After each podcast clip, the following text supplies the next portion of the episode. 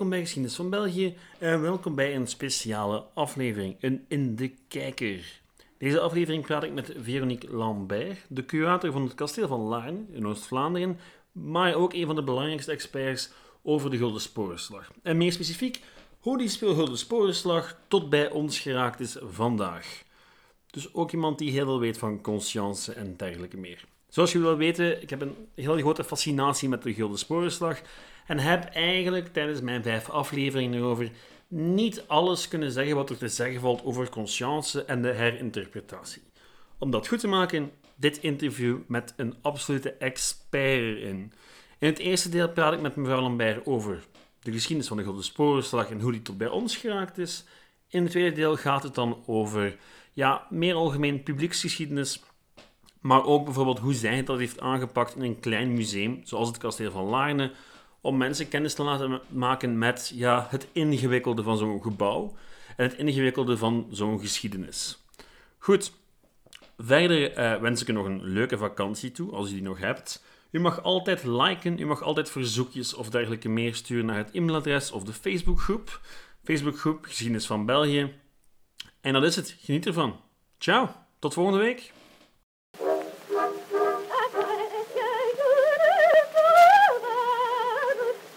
Ik heb een heleboel vragen eigenlijk over de Grote Sporenslag.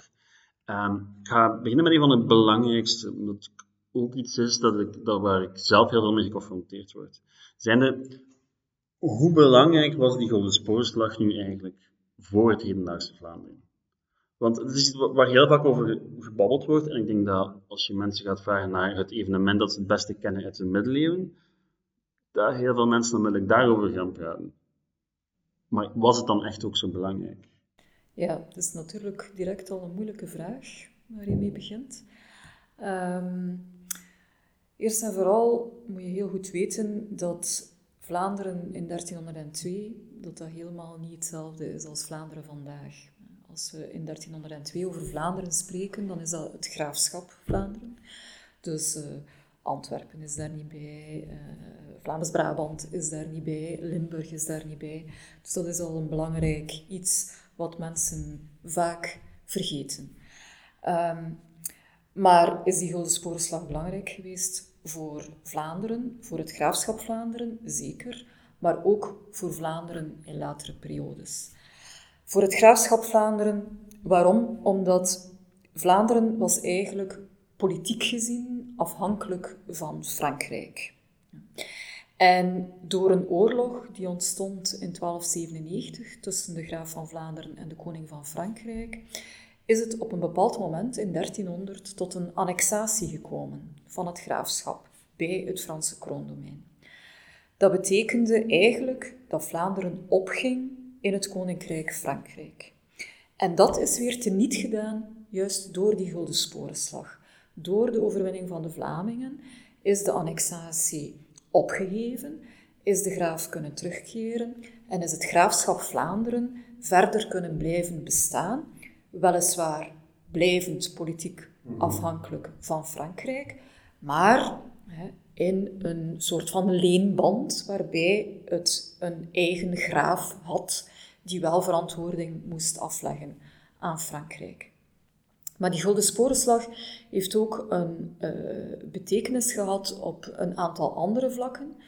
Uh, eerst en vooral is het belangrijk geweest omdat de ambachten na de Gulden Sporenslag inspraak hebben gekregen in de stadsbesturen. Dus het is eigenlijk, om het een beetje groots te zeggen, het begin van de democratisering mhm. geweest. Dus toch een belangrijk moment in de geschiedenis van het graafschap.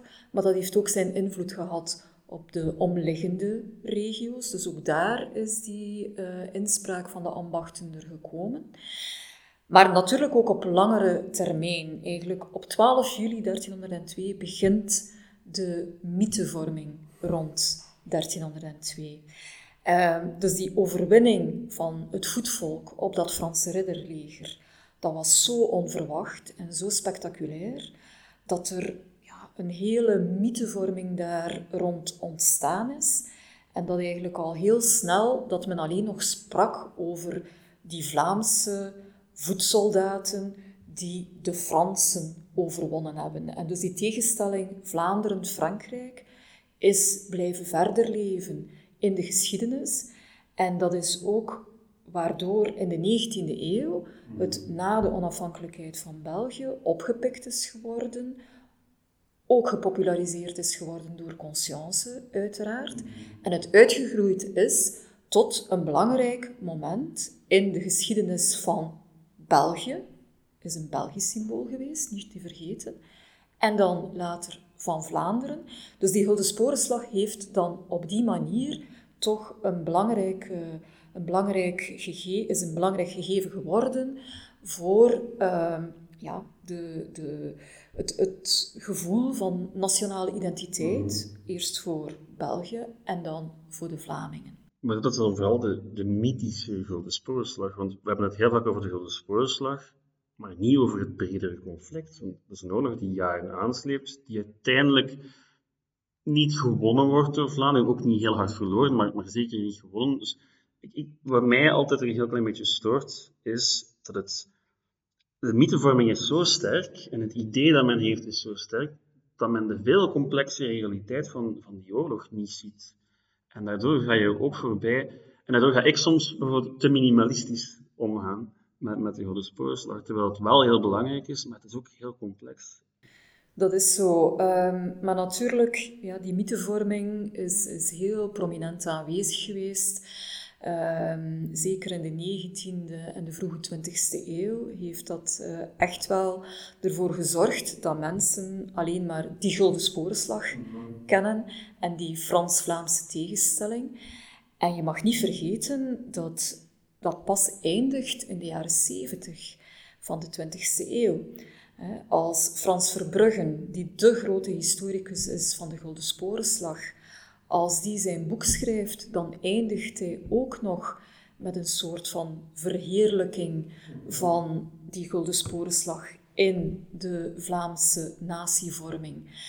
En dat komt natuurlijk omdat pas in de jaren 70 de federalisering van België zich heeft doorgezet. Dat eigenlijk de verzuchtingen van de Vlaamse beweging pas dan ook geconcretiseerd worden in de oprichting van hè, de voorloper van het Vlaams parlement. Hè. Dus eigenlijk tot in de jaren 70 van de 20e eeuw blijft die, uh, die symboolwaarde van de Gulden Sporenslag heel sterk aanwezig. En wat je dan krijgt daarna is eigenlijk de omgekeerde beweging. In de zin dat heel veel verzuchtingen van die Vlaamse beweging worden ingelost door die federalisering die zich steeds verder doorzet. En dan krijg je, vooral bij de academici, een uh, nood om heel dat gebeuren van 1302 te gaan demythologiseren. En men gaat eigenlijk uh, ja, het, het kind met het badwater weggooien. Men gaat alles terugbrengen naar zijn historische realiteit. Van wat is er daar nu eigenlijk gebeurd in 1302? Dat was geen nationaal conflict, hè. dat was een sociaal conflict en dat was veel complexer dan, uh, dan puur die, die tegenstelling tussen Frankrijk en Vlaanderen. En men gaat tegelijkertijd ook de symboolwaarde die het zo lang gehad heeft, ook in de vuilbak gooien. Dus dat is een beetje uh, het probleem geweest, denk ik, uh, van, van de late 20e eeuw.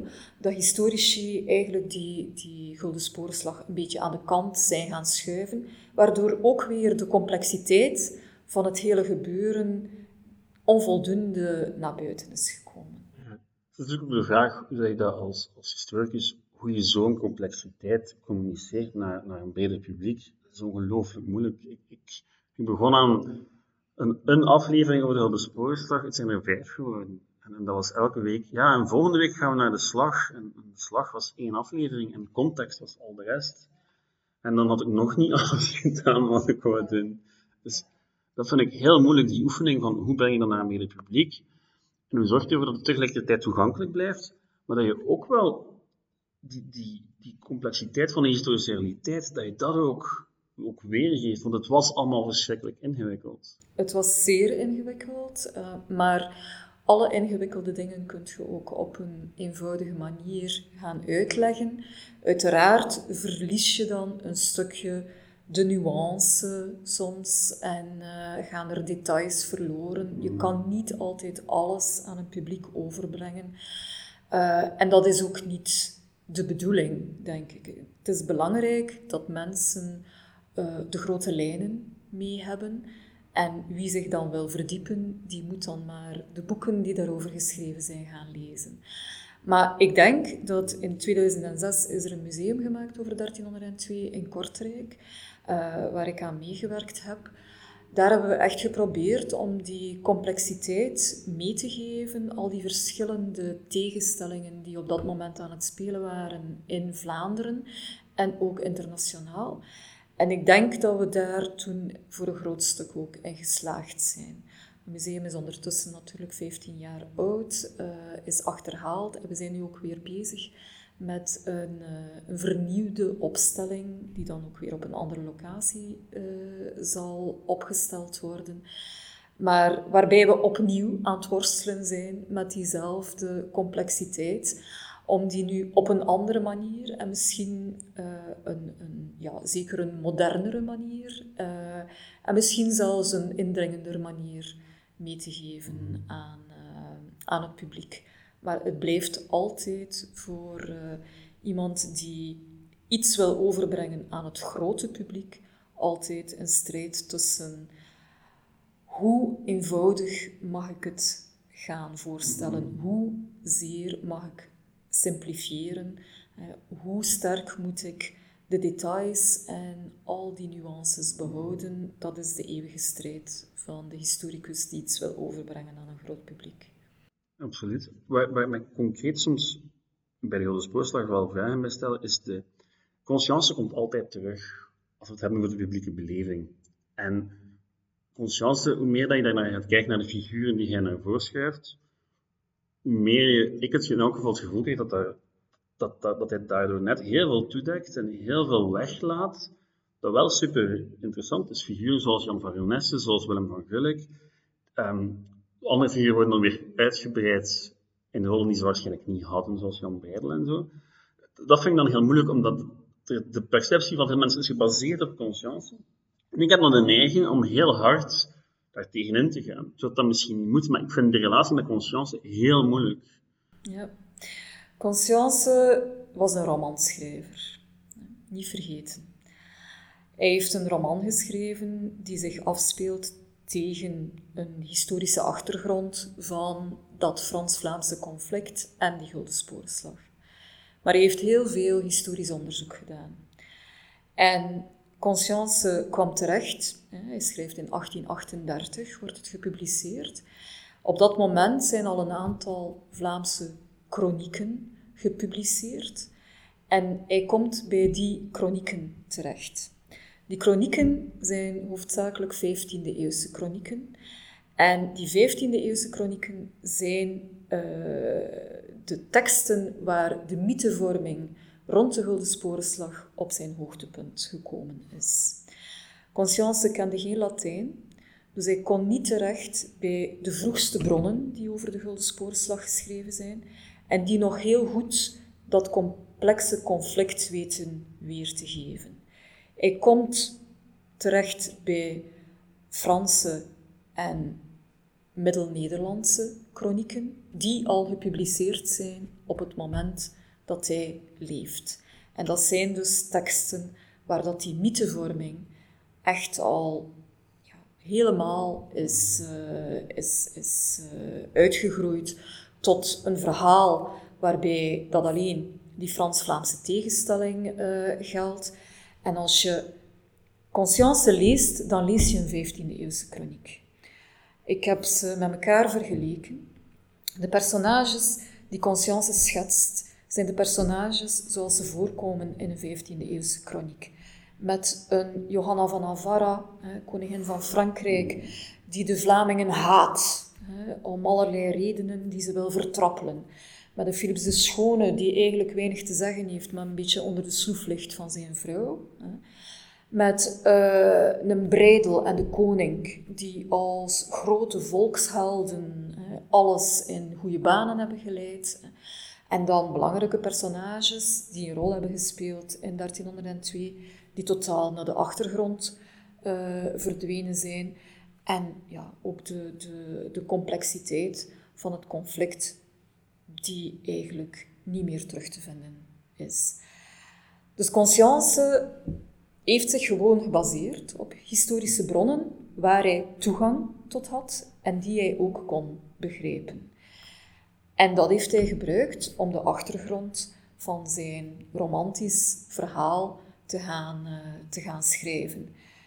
Maar dat heeft natuurlijk een enorme impact gehad. Hè. Uh, het, het, is, het is een, een verhaal geweest dat opgepikt is, dat, uh, ja, waar het publiek van smulde. En het is, ja, Willis Nillens, de versie geworden die iedereen kent van de Gulden Sporenslag. Um, ik denk dat dat nu iets wat aan het veranderen is. Uh, Conscience is zeer lang gelezen, um, is in allerlei vormen verspreid geworden. Er is ook een volledig getekende versie van het verhaal van Conscience. Ja. Uh, en het is dan in de jaren 80 verfilmd, uh, in De Leeuw van Vlaanderen. En ook veel mensen kennen die versie nog. Maar ik denk dat de jongere generaties Conscience niet meer lezen, dat ze ook de film niet meer kennen en dat dat uh, nu wel wat aan het weg hebben is. Mhm. En laat ons hopen dat ze dan via uh, andere wegen een ander verhaal van 1302 mhm. leren kennen. Ik zelf ben, ik denk dat ik tien was of zo, ben echt met de strip in aanraking gekomen. Dus uh, in, in de jaren 90. Dus ja, dat was voor mij, en dat was ook dat heel romantische beeld, en dat was ontzettend meeslepend ook. Het verbaast mij eigenlijk dat er sinds, sinds de jaren 80 geen nieuwe poging is geweest om, om te verfilmen of om een historische reeks te maken. Zeker als je kijkt dat er in Groot-Brittannië de laatste 20 jaar ongelooflijk veel geproduceerd is, dan vraag ik me af, oké, waar blijft het? Ik zit er niet per se op te wachten, want ik heb er ook heel veel schrik van. Maar je voelt wel zo van, als je dat verhaal leest, en zelfs de ingewikkelde historische versie, dat is een ongelooflijk boeiend verhaal. Het verbaast me dat er niet meer mee gedaan wordt in, in de media. Ja, um, ik denk dat het ook nog altijd iets is dat vrij gevoelig ligt. Hoe benader je zoiets? Hoe breng je zoiets? Uh, er zijn wel een aantal pogingen geweest. Hè. Um, Geert Hoste heeft in de jaren 90 of 2000 een aantal afleveringen gemaakt, grote momenten uit de geschiedenis van Vlaanderen, waar een hele aflevering over de Sporenslag in zat. En nu zijn ze bij de VRT ook bezig aan een nieuwe reeks. Um, dat uh, een, een, reeks die door Tom Waas zal gepresenteerd worden, waar heel veel uh, onderzoekers op zitten, waar ook mensen uit de academische wereld enzovoort aan meewerken. En waar men in een soort van uh, ja, BBC-stijl, zal ik maar zeggen, hè, met, met scènes die nagespeeld worden mm.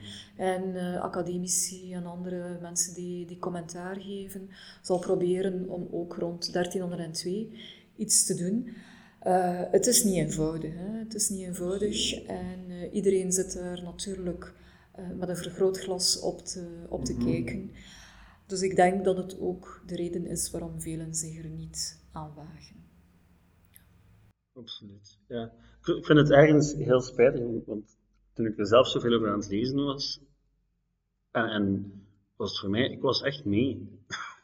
Ook al was dat gewoon, ik was de literatuur aan het lezen, maar ik was echt wel mee met dat verhaal. En, en er zijn bepaalde sleutelmomenten die heel dramatisch zijn en, en die, die nog los van de, van de politiek-militaire gevolgen. Het is wel een heel boeiend verhaal. En dan is het eigenlijk ook spijtig dat we altijd terugkomen op Jan Breidel. en dat, dat, vind ik dan zonde, want er zijn zoveel boeiendere personages daar. Hier volgt deel 2 van het interview, uh, waar ik dieper inga op publieksgeschiedenis. Het was een beetje een meanderend gesprek, uh, niet meer echt een interview. Ik had veel te veel vragen en vond het ook heel boeiend om te praten met iemand die wel wat ervaring had in het veld. Um, voilà, geniet ervan. Dus in elk geval, als, als je in Vlaanderen bezig bent met geschiedenis, komt dat heel vaak terug. Ik heb ook het gevoel dat, um, dat is een vraag voor u, heeft het grote publiek, los van de Gouden Sporenslag, een realistisch beeld van de middeleeuwen?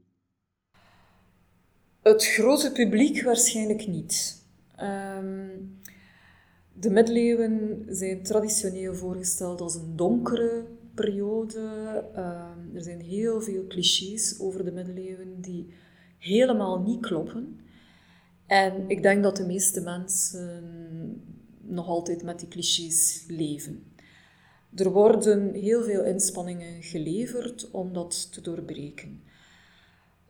Ik denk dat uh, vanuit de academische wereld dat er nu ook veel meer aandacht is om academisch onderzoek te vertalen naar een breder publiek. De uh, aandacht die er is voor publieksgeschiedenis, uh, de kruisbestuiving die er gebeurt tussen de academische wereld, de museale wereld, dat, dat is heel, een heel goede evolutie. En ik denk dat meer en meer mensen ook wel uh, geconfronteerd worden met het feit dat ze over heel veel zaken een verkeerd beeld hebben van de middeleeuwen. Maar uh, nu zeggen dat het grote publiek, dat dat uh, bij hen al doorgedrongen is, dat denk ik niet. Ik denk dat zij nog altijd met een vrij foutief beeld rondlopen. En het zal nog heel veel inspanningen vergen om dat helemaal recht te zetten. Mhm. En opnieuw die, dat evenwicht zoeken tussen populariseren, maar ook wetenschappelijk blijven. Dat is, uh... dat is uh, inderdaad een hele opgave. Maar uh, ja, het is door mensen te vertellen over uh, hoe het leven was in de middeleeuwen, om bepaalde thema's aan te raken. En uh, zeker ook uh, dat mee te geven in allerlei uh, contexten waar mensen met die geschiedenis in aanraking komen, dat lijkt mij heel belangrijk. Um, vandaar dat het, het zeker nuttig is om bijvoorbeeld gidsen een goede opleiding te geven, mm. zodanig dat dat soort aspecten in rondleidingen kunnen uh, meegegeven worden. Dat ook zeker uh, uh, teksten die gepubliceerd worden door academici in eerder populariserende tijdschriften, dat daar aandacht voor is. Dat lijkt mij ontzettend belangrijk. Maar ik denk dat er toch wel meer en meer uh, ruimte voorkomt. Ik denk bijvoorbeeld aan de, uh, het onderzoek dat er recent gebeurd is rond uh, de vrouw in de middeleeuwse stad.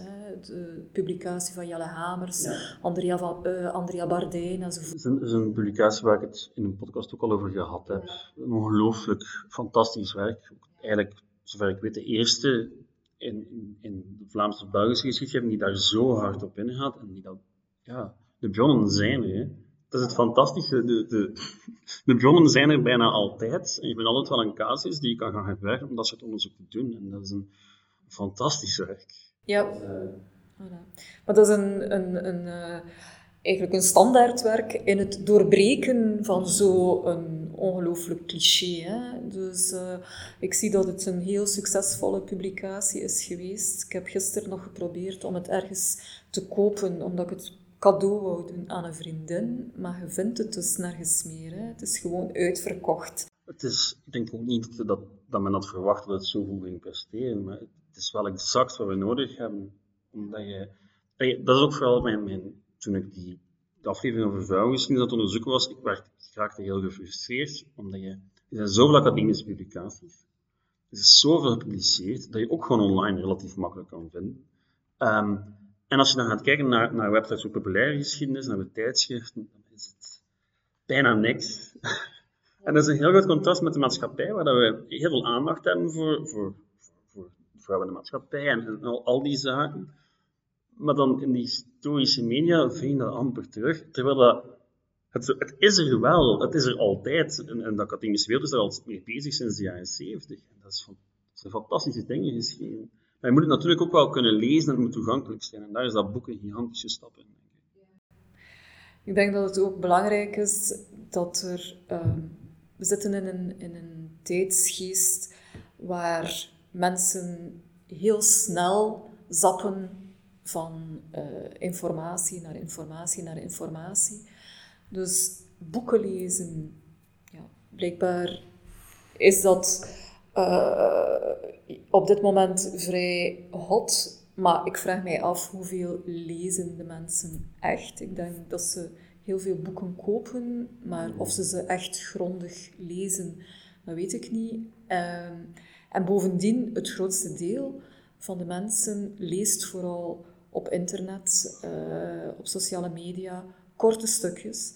En dat vind ik dat er nog meer zou moeten gebeuren uh, door historici, dat ze dergelijke korte stukjes, soort van blogs, uh, die mm-hmm. eigenlijk aandacht trekken op dergelijke thema's, waar mensen op een, op een bondige manier getriggerd worden rond een thema en, en eigenlijk ja, een, een soort van uh, incentive krijgen mm-hmm. om toch wat meer te gaan lezen. Ik denk dat je op die manier, soms anekdotisch dat je dan te werk moet gaan, maar het is vaak de manier om mensen dan te trekken naar wat diepgaander of, of langere teksten. Le Petit Histoire kan heel vaak de aanleiding zijn voor een veel genuanceerder verhaal.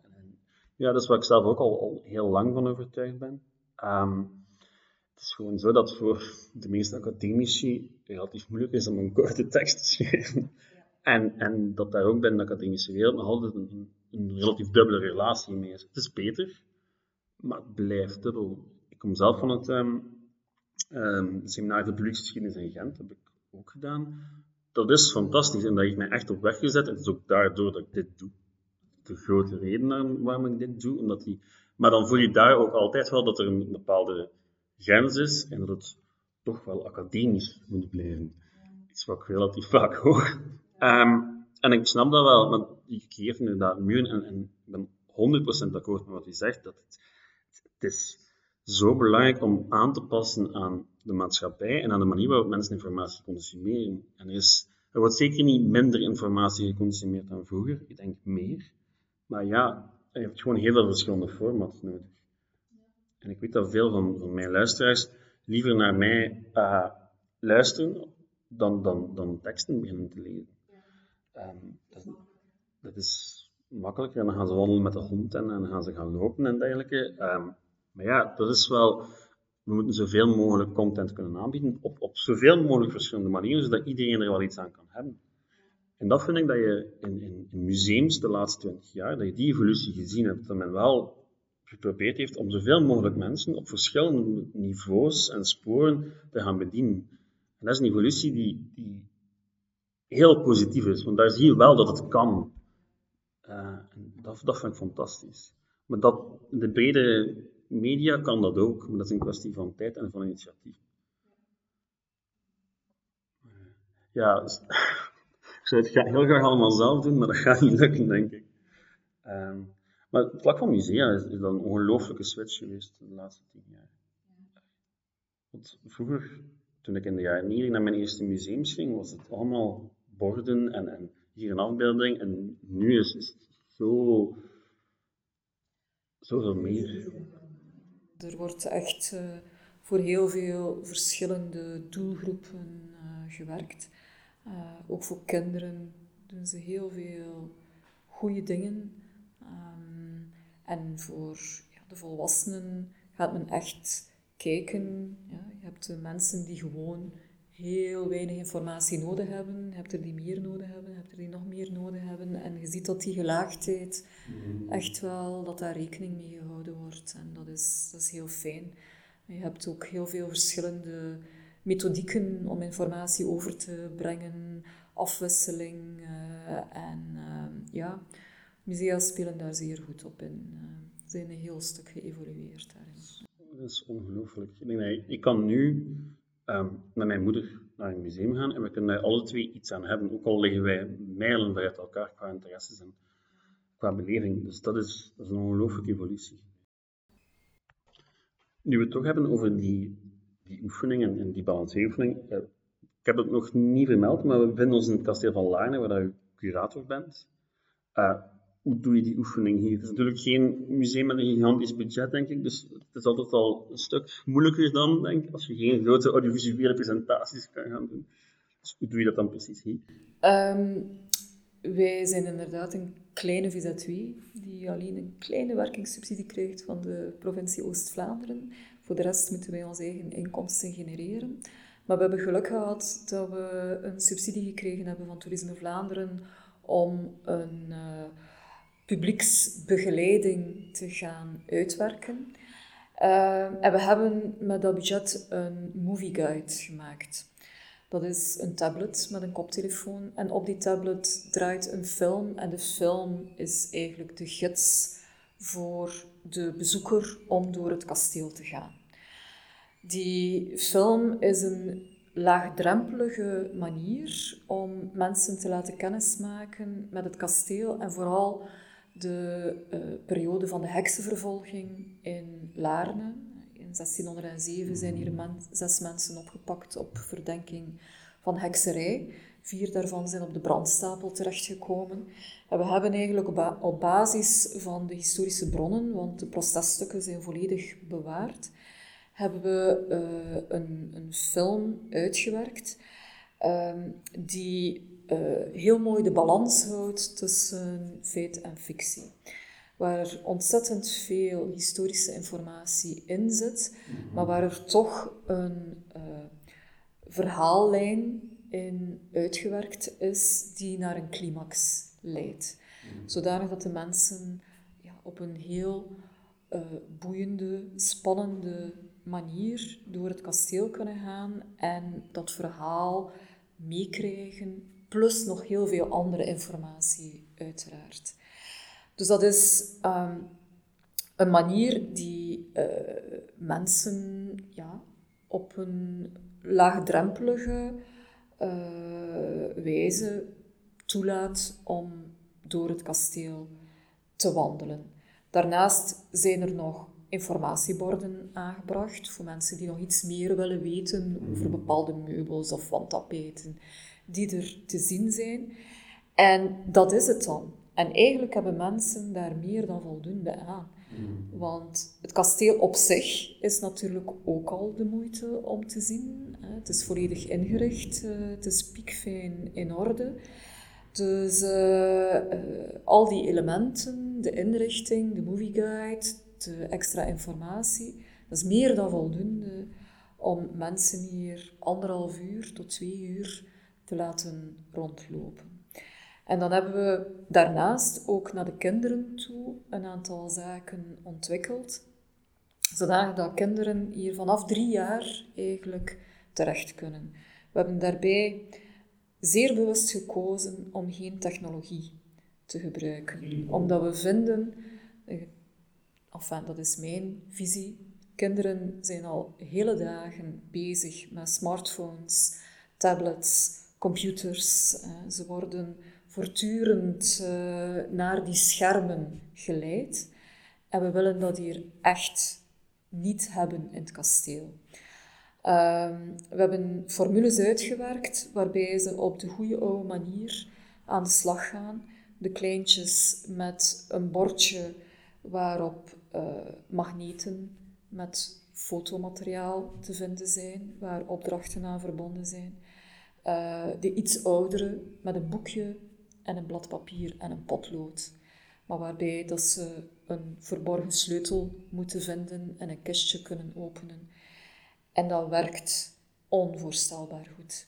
Kinderen zijn razend enthousiast, de ouders zijn enthousiast en ze hebben twee uur doorgebracht zonder dat er één computer of één technologisch hoogstandje aan te pas gekomen is. En mensen vinden dat echt wel fijn.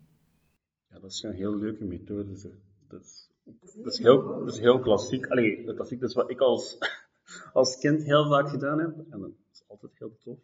Ja, het is heel eenvoudig. Um, het is heel iets anders dan dat er overal touchscreens staan, waar kinderen dan maar zitten op te tikken, zonder dat ze iets meekrijgen. Wat wij proberen te doen, is kinderen heel gericht te laten kijken in de ruimte mhm. en hen informatie mee te geven volgens hun niveau. En we leren ook altijd weer bij. Wij, wij vragen naar de ervaringen van de mensen en we krijgen dan soms tips van misschien moet je dat nog extra toevoegen of misschien moet je daarop letten. We gaan daar continu mee aan de slag om dat eigenlijk verder uh, te verfijnen en op punt te zetten. En we zien dat dat heel goed werkt en uh, we, we hebben uh, na een jaar werking van Toerisme Vlaanderen de hoogste score gekregen van familievriendelijkheid. Dus dat was eigenlijk wel fijn.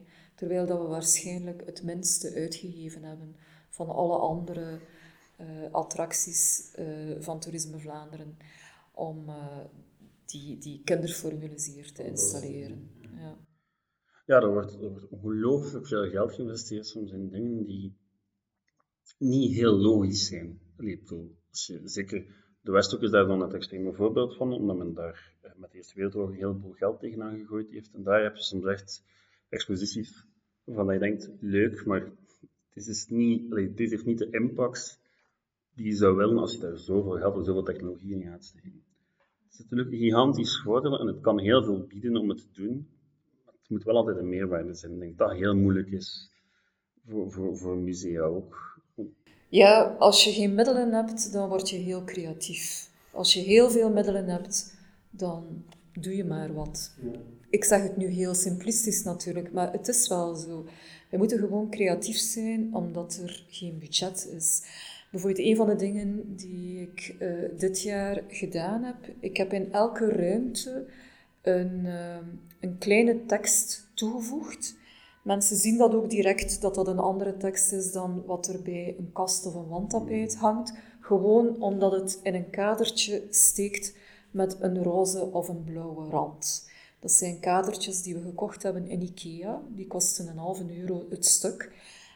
En, maar ik heb daarin tekstjes aangebracht die iets kleins vertellen over het dagelijks leven in het kasteel. Dingen die mensen vaak niet weten. Dingen die soms ook cliché doorbrekend zijn. Mhm.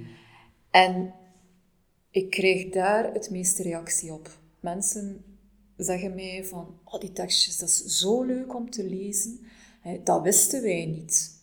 En dat onthouden ze ook ontzettend goed. En dat vertellen ze door aan andere mensen. En dat vind ik ook heel fijn, dat je zeker bent. Ze gaan misschien niet meer weten uit welke periode die kast was en hoe die zeven, zeven deugden die erop staan gesymboliseerd werden. Maar ze gaan wel nog weten hoe men op konijnenjacht ging in de middeleeuwen. Mhm. Of ze gaan wel nog weten dat het bed het belangrijkste meubelstuk was in de middeleeuwen.